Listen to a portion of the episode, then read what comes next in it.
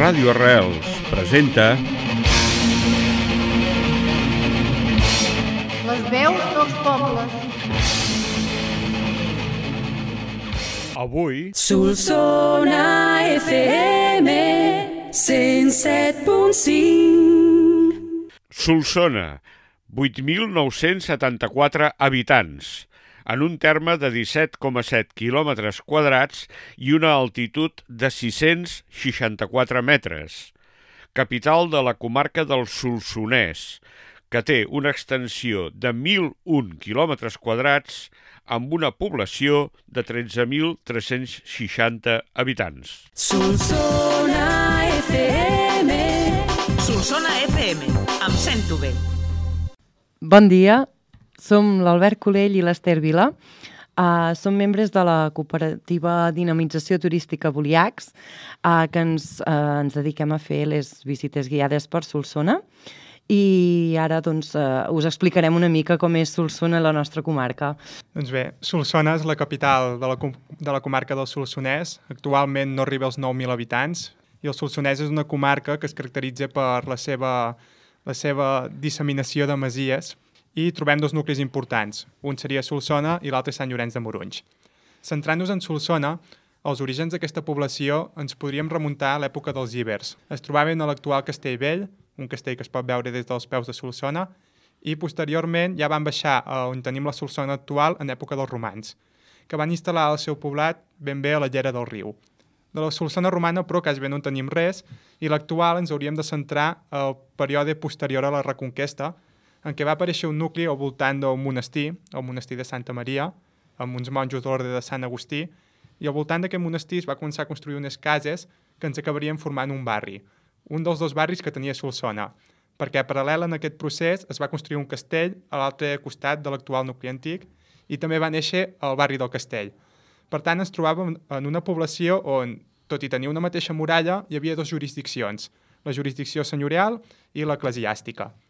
Bé, eh, com us dic, també doncs, tenia unes muralles per tal de ser protegida que es van haver d'ampliar a l'any 1300 perquè havien quedat petites i eh, aquesta ampliació va ser problemàtica perquè el senyor del castell eh, volia que uns veïns que pagaven tributació a l'església anessin a parar al barri del castell. I va haver d'intervenir el mateix rei d'Aragó, Jaume II el Just, que va intervenir a favor de qui tenia raó, que era el senyor de l'església, li estaven prenent els, els, seus, els seus vassalls. Bé, també podríem destacar, destacar de l'època medieval que hi havia una família senyorial, els Torroja, que eren els senyors de Solsona, que no tenien cap altre més títol, per tant eren vassalls dels comtes de Cardona, i que podríem destacar un fill d'aquests Torroja, que va ser Arnau de Torroja, que va arribar a ser el gran mestre d'ordre del temple, i va conviure en el mateix moment que el gran Saladino, una de les figures històriques importants de, del moment. Una data clau per Solsona és la, el 1348, la peste negra, aquí també arriba, no ens en salvarem, i això provoca, com a una de les coses més importants, que baixi molt la població i, en conseqüència, que s'aturin les obres d'ampliació de la catedral. Una catedral que s'estava ampliant en estil gòtic, però que, com que havia mort tanta gent, per manca de gent i també de diners, òbviament, es van haver d'aturar aquestes obres i ja es van seguir molts anys després. També podríem destacar que es va crear eh, l'Hospital Llobera, que posteriorment seria una universitat, per una família de mercaders. El 1620 va passar a ser una de les set universitats de Catalunya, fins que amb el decret de nova planta van desaparèixer totes. I la data sí que clau per Solsona és 1593, que és l'any en què se li otorga el bisbat. Un bisbat que encara manté avui en dia, un bisbat bastant extens, i que va comportar que un any després, el 1594, se li otorgués el títol de ciutat. Ja en els temps més recents podríem destacar que aquí va haver fets molt, molt importants durant les guerres carlines, hi va haver generals importants com els Tristany, provinent d'Ardèvol, una població propera aquí. I pel que fa als monuments, els principals monuments que podem visitar a Solsona, mm, evidentment, quan entrem per Solsona veiem dos monuments importants. Un, per la seva magnitud, ja destaca, que és la catedral. Es coneix ja l'exis- l'existència eh, d'una església preromànica de l'any 977, el que passa que aquesta església doncs, eh, es va anar ampliant. De fet, hi ha alguna dada que, de l'any 1070 que ens diu que era un temple famosíssim antiquíssim a tot el món. Eh?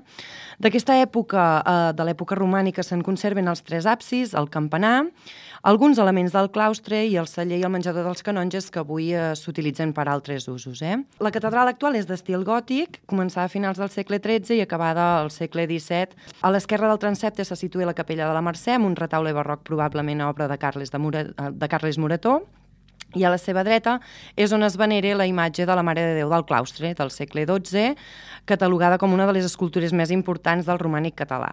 Llavors, el Cambril també fou ampliat a principis del segle XX per August Font i la façana del Cambril segueix una línia noucentista amb alguns elements modernistes. Per altra banda, un altre monument que també és interessant de visitar és el Pou de Gel. La primera referència documentada eh, és del 1683. S'utilitzà fins, a, fins al segle XIX aproximadament. Pel que s'utilitzava el Pou de Gel era bàsicament per, per emmagatzemar el gel que es produïa aquí mateix a Solsona, de, provinent d'altres poblacions, i després poder-lo vendre en poblacions properes com Manresa, Lleida o fins i tot en alguns casos a Barcelona. En aquesta època que el gel doncs, és un, un bé eh, molt necessari per la vida quotidiana de, tot, de tots, ja sigui per conservar els aliments o per curar fins i tot malalties. Un altre element que també destaca quan entrem a Solsona és el portal del pont. És, de, és de, del segle XVIII aproximadament, tot i que eh, està ubicat en un, en un punt on ja hi havia hagut doncs, un altre portal. Eh?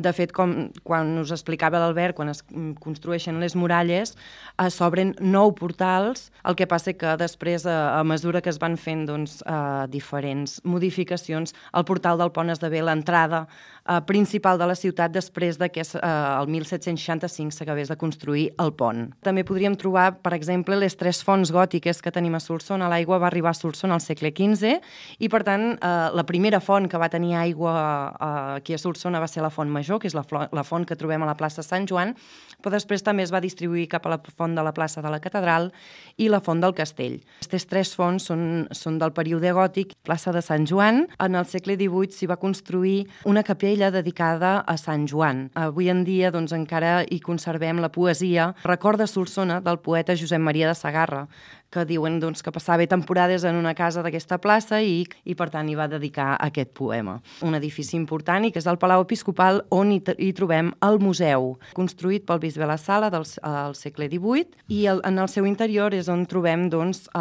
el Museu Diocesà i Comarcal, un dels primers museus diocesans de Catalunya on s'hi troben sales dedicades a la prehistòria, importants col·leccions del romànic, gòtic, renaixement i barroc i també una petita sala dedicada a les escultures de sal de Cardona. També ens agradaria parlar una mica del nostre folklore. Albert?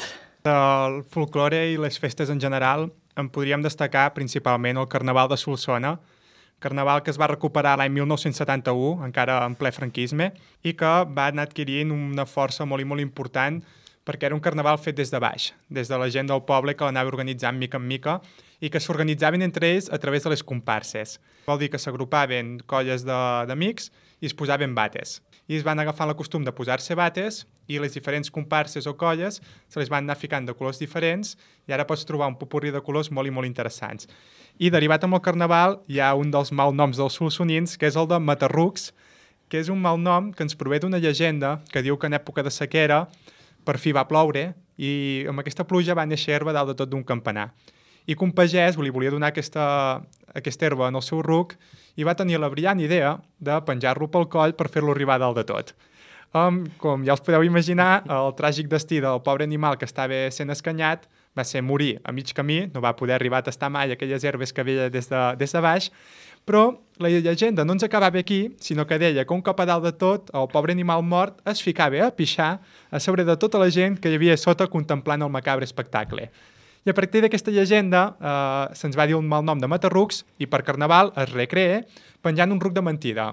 I és que a Solsona tenim molta tradició gegantera, les mans d'en Cacerres, Manel Cacerres, han estat molt i molt importants pel moviment geganter, no només de Solsona, sinó de tot Catalunya en general. També va fer els gegants de Festa Major, que és una de les altres grans festes que es celebra aquí a Solsona. Bé, Solsona té una problemàtica històrica i és que ha quedat una mica aïllada de les comunicacions, el tren no va arribar mai i les carreteres ho van fer molt tard. Això suposa que durant la revolució industrial Solsona quedés enrere i per tant no avancéssim en aquesta revolució i quedéssim una mica al marge de tot això. Inclús moltes famílies van marxar de Solsona per anar-se'n doncs, cap a la zona del Llobregat, que és on la industrialització va ser més, va ser més present. Per tant, aquesta, aquest fet doncs, històricament sempre eh, doncs, ha marcat Solsona i actualment doncs, sí que hi ha algunes empreses, eh, petites, mitjanes, alguna gran, que es dediquen doncs, a fer peces per a altres multinacionals de cotxes o inclús eh, alguna empresa tèxtil i cada vegada més sí que hi ha doncs, un comerç molt potent, petit comerç que, que és el que s'ha de potenciar una mica i cada vegada també hi ha la tendència més de uh, dedicar-se una mica al sector turístic o avançar en el sector turístic que potser doncs, és el que uh, ajudarà uh, a fer créixer Solsona i a donar-la a conèixer.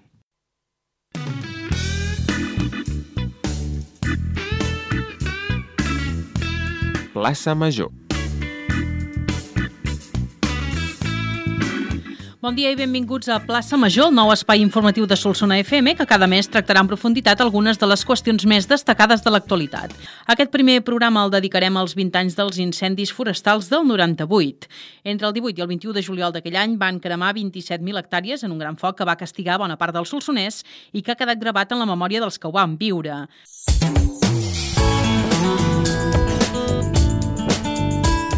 Salut amb Creu Roja, un espai de consells per a una vida saludable.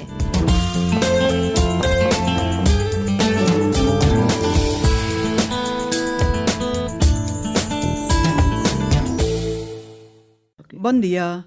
Les voluntaris Bon de dia. Creu Roja, la Clàusula i la Imma, us acompanyem un dia més amb petits consells de salut que moltes vegades ens fan frau falta.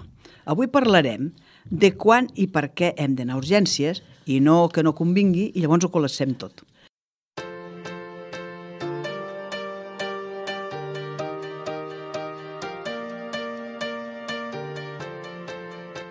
Molt bona nit, família. És un plaer tornar estar aquí amb aquesta nova temporada de Music Mix i espero que aquesta temporada ens ho passem igual o millor que bé que l'altra. Benvinguts a tots, família.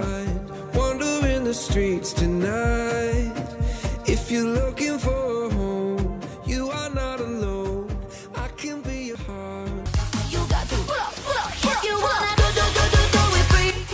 Arriba el bon temps, arriba la calor i amb això vull dir que aquest dissabte comença ja la Fira de Sant Isidre i, bueno, la veritat és que creuem els dits perquè puguem passar una molt bona fira, que no ens plogui i que, sobretot, eh, la puguem disfrutar.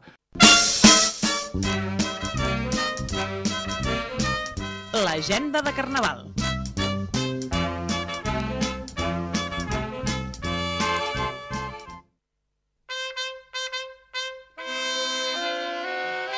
Avui, últim dia de la festa, s'obrirà l'ermita ardent davant de l'Ajuntament a partir de les 11 i es farà la crida pel nucli antic. A la tarda, a les 4, ball de carnaval per la gent gran a la sala polivalent, jubilats a Lloro. Els últims cartutxos del Carnaval 2017 es començaran a cremar a partir de dos quarts de vuit del vespre amb la vetlla i el comiat a la plaça del Ruc, seguida de la processó pel nucli antic. A tres quarts de nou, cremada i castells de focs al pati de l'Escola Reals. A partir de les 10 es farà la baixada des del portal del castell fins a arribar a la plaça del Ruc per despenjar-lo. La celebració es tancarà puntualment a la plaça Major amb les campanades de mitjanit.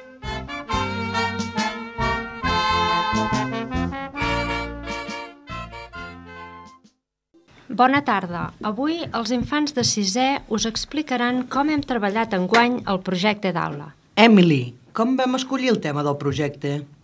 Nosaltres sempre seguim la nostra mena de protocol. Primer, cadascun de nosaltres pensem un tema que podríem treballar de projecte, com podria ser la natura, la robòtica o la gastronomia del món. Llavors, un dia posem tots els temes en comú, votem el que creiem que és el millor tema i el treballem tot el curs. Normalment, també triem un nom per la classe, que estigui relacionat amb, amb el tema de projecte. Aquest any, el tema guanyador és la contaminació i ens diem Green Class, que vol dir classe verda. Bona tarda, és la una del migdia del dilluns 26 de novembre de 2018. Fem un repàs a l'actualitat més recent. Solsona FM, el butlletí de la una.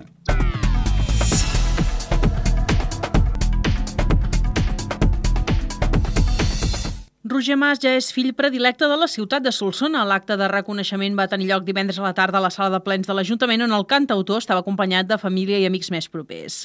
Va agrair la distinció de la millor manera que ho sap fer, interpretant els goig de la Mare de Déu del Claustre i el tema Saltimbanqui. A la cabana del vinyet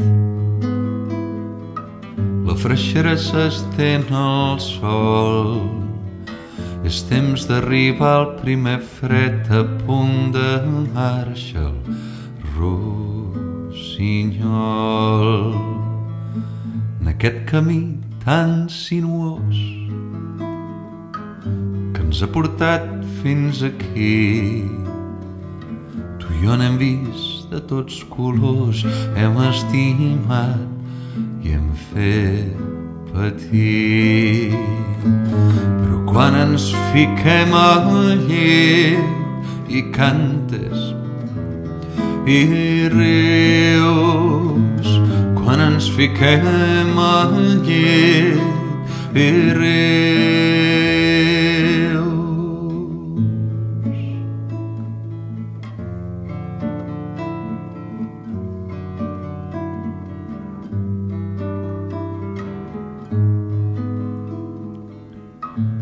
saltimbanqui de tres polzades. Fill a la font del vermell dins la teva panxa imada de la clara n'és el rovell. Quan ens fiquem al llit i cantes i rius quan ens fiquem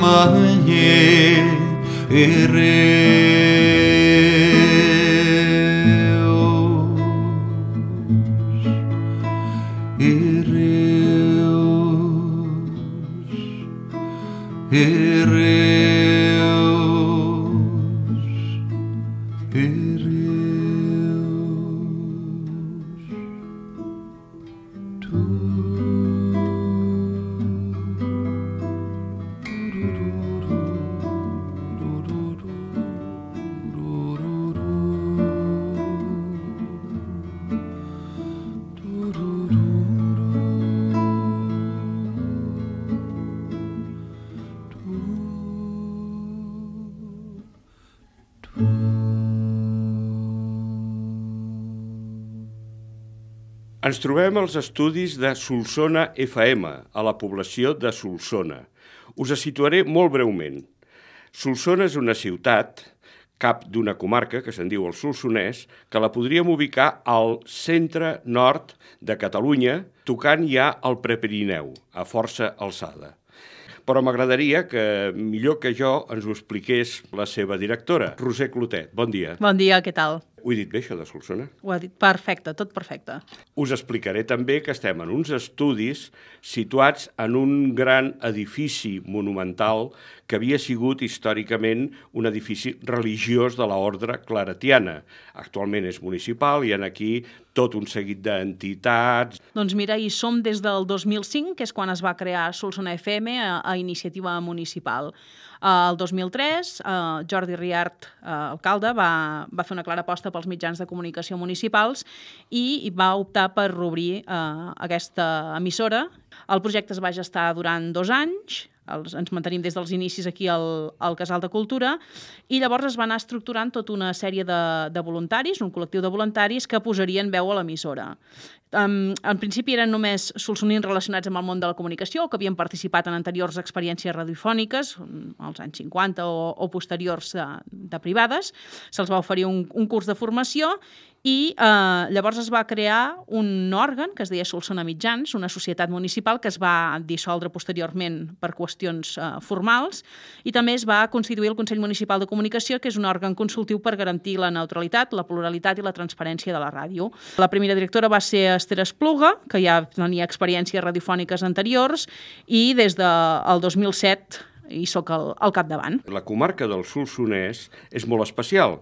Us donaré, amics oïdors de Ràdio Arrels, una referència molt fàcil. És el doble que la comarca del Vallespí, però hi viu aproximadament una tercera part de persones que el Vallespí. Solsona en si és una ciutat, i dic una ciutat perquè té tots els serveis bàsics, de 9.000 habitants, que és el centre indiscutible d'aquesta comarca que en té 13.000 o 14.000.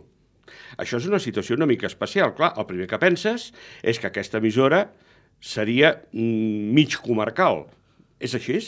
Tenim la vocació comarcal, eh, en els nostres informatius, en els nostres programes, a l'hora de preparar anuncis, ho fem tot amb una vocació local, però sempre amb, amb mires a la resta, amb obertura de mires a la resta de la comarca, però en tant que Solsona té un, un territori petit, uns 17 quilòmetres quadrats, eh, i hem de posar el centre emissor per llei dins el terme municipal, eh, això no ens permet la difusió molt enllà. A més, el teixit comercial i empresarial se centra molt a Solsona i, i a Olius, que és el municipi veí, i la resta de municipis, com comentaves, són molt disseminats i, per tant, no hi ha un teixit comercial o un teixit eh, empresarial on poder anar a vendre publicitat, per exemple, que seria un dels, de les formes d'expansió, no? Com has dit, vareu néixer el 2005, havia passat el gran boom de les municipals dels 80s. Això vol dir que aquesta emissora va néixer fruit d'una idea mm, nascuda des de dalt, des de l'Ajuntament. No va ser tant un clamor o una iniciativa popular, sinó més aviat el que us deia va partir de l'Ajuntament. És així? Sí, eh, ja feia anys que hi havia determinats col·lectius de la societat solsonina que reivindicaven eh, la necessitat d'una ràdio municipal, però no va ser fins eh, que va entrar l'equip de Jordi Riarta a l'Ajuntament que, que va adquirir el compromís i, i va tirar endavant aquest projecte i es va fer realitat. Vareu començar, suposo, amb tot amb voluntaris. Hi havia una directora a mitja jornada, Uh, llavors, uh, des de l'àrea de comunicació de l'Ajuntament accedia unes hores la, la cap de comunicació per realitzar els informatius i a partir d'aquí es va anar gestant una, una sèrie de voluntaris i en el moment que jo vaig accedir a la direcció ja vaig accedir a jornada completa i uh, al llarg dels anys hem, hem comptat més o menys això amb una persona, una persona i mitja en plantilla i la resta de programació s'ha anat estructurant al, al voltant de, del col·lectiu de voluntaris, encara segueix així d'aquests anys, amb aquests 13 anys, heu viscut situacions de tota mena. Com ha esdevingut tot aquest període? Jo, personalment, eh, les relacions amb l'Ajuntament en cap moment han sigut tormentoses. Al contrari, més aviat eh, cap alcalde, cap regidor m'ha vingut a dir això ho has de fer així, ho has de fer d'una altra manera.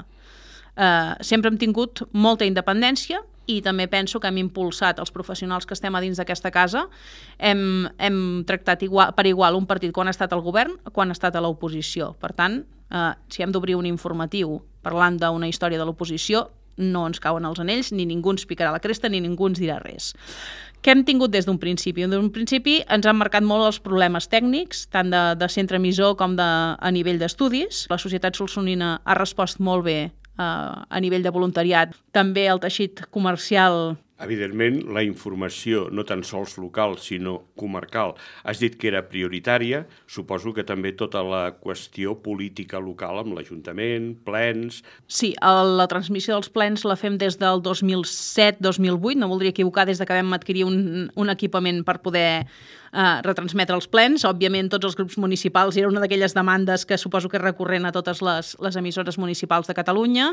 Llavors, també ara hem reprès un programa de debat polític i a veure, tenint en compte que al maig hi haurà eleccions municipals, tindrem el focus molt posat i suposem i esperem que, com en cada ocasió, la ciutadania ens tingui sintonitzats i ens segueixi de primera mà per saber l'actualitat i el bullici del moment. El teixit associatiu solsoní, de fet, sempre ha sigut molt ric i, i penso que, que la ràdio és un reflex d'aquesta riquesa i d'aquesta varietat. Aquesta riquesa de la societat civil potser és fruit del vostre aïllament. Sí, potser sí. És, és la manera, és com l'excusa per trobar-nos, no? Eh, eh, Quantes hores emeteu actualment? Matem 24 hores sobre 24, fem eh, radiofórmula musical la majoria d'estona, també estem associats a la xarxa de comunicació local, completem els, els gèneres que, que potser amb la producció pròpia no cobrim amb els programes de la xarxa i després eh, tenim una quinzena de programes que, que s'emeten alguns amb la majoria de periodicitat setmanal, alguns de periodicitat diària i altres que són cada dues setmanes o bé mensual. O sigui que programes propis, de producció pròpia i de contingut, que no siguin for radiofórmula, aproximadament quin percentatge podria ser? Potser unes 20-30 hores setmanals. Com tenim el tema de les noves tecnologies, internet, podcast... Has de pensar que això, com que, com comentaves, com que la, el radi d'emissió de Solsona FM és molt limitat, ja des d'un bon principi, devia ser 2006-2007, es va crear una web i ens hem anat pujant el carro de totes les xarxes socials que hem pogut. Intentem ser el màxim d'actius possibles, tenim una web que ara eh, hem renovat, estem començant a treballar el tema dels podcasts que pensa que això a principis d'any ho tindrem ja en marxa i en funcionament. Tenim compte de Facebook, el compte de Twitter també el fem anar molt per tema titulars de les informacions i, i novetats dels programes. I després, eh, aquesta temporada hem obert també un compte a Instagram que també ens serveix per arribar potser al públic més jove, que és el que costa més que escolti la ràdio. Eh, És una qüestió que m'he plantejat moltes vegades, com ho podríem fer perquè la FM arribi sota la franja de, de 40, en tant que jo també hi estic, eh? Com, com arribar als meus contemporanis i, i sobretot això, a, a gent jove, la, la franja adolescents, a persones de 20 i escaig anys. Eh, jo penso que això, que els hem d'aconseguir captar l'atenció a través de xarxes socials i del que consumeixen més ells, i, i d'aquí captar-los i fer-los agafar el coquet aquest de la ràdio que tenim. Suposo que molta gent el problema professionalment es té que traslladar fora de Solsona i us perd. Sí, això, això és cert. Uh, el, moment, el punt d'inflexió és en el moment que els nanos tenen, compleixen els 18 anys i han de començar estudis universitaris fora d'aquí. Llavors, clar, eh, equips molt macos de gent que havíem tingut aquí, de nanos joves molt motivats i que feien uns programes excel·lents, eh, en el moment que han d'anar a la universitat, clar, perden el contacte amb la ràdio, només són aquí els caps de setmana, a vegades troben feina en un altre lloc, ja la vida els canvia i llavors costa trobar una continuïtat o... De tota manera, fem una aposta molt clara amb les escoles, tenim un programa setmanal en anglès de l'institut i llavors eh, totes les escoles, tant de Solsona com de la comarca, venen a fer activitats. Però eh, pensem que també és una manera no, de, de fer acostumar els nens a escoltar la ràdio i, d'altra banda, també fem que les famílies s'enganxin a Solsona FM. Per acabar, només et voldria preguntar, futur, què espereu, què penseu d'ara en endavant que serà Solsona FM o què voldríeu que fos? És complicat, eh? Això, acabem de, de renovar el web, com et deia, estem treballant molt amb, amb temes de, de xarxes socials i, i volem posar-hi més atenció amb aquest tema perquè és el que ens té més retorn de l'audiència. També fem una clara aposta per sortir més al carrer, que des de l'any passat eh, tenim un, un equip per fer exteriors. També tenim en ment posada, la posada en marxa de nous programes de diferents àmbits i també tenim les portes obertes perquè qualsevol ciutadà que tingui la inquietud aquesta de fer ràdio tingui el seu espai aquí i l'acollim de la millor manera que sabem. I si la voluntat política va ser la que va causar l'inici de Solsona FM, esperem que la voluntat política continuï sent amb, amb l'actual equip de govern i amb els següents que vinguin perquè la ràdio duri molts i molts anys i que els col·laboradors no es cansin de venir. Realment sou un projecte ja consolidat en la vostra ciutat. Roser Clotet, directora de Solsona FM, moltes gràcies per la teva informació. A vosaltres.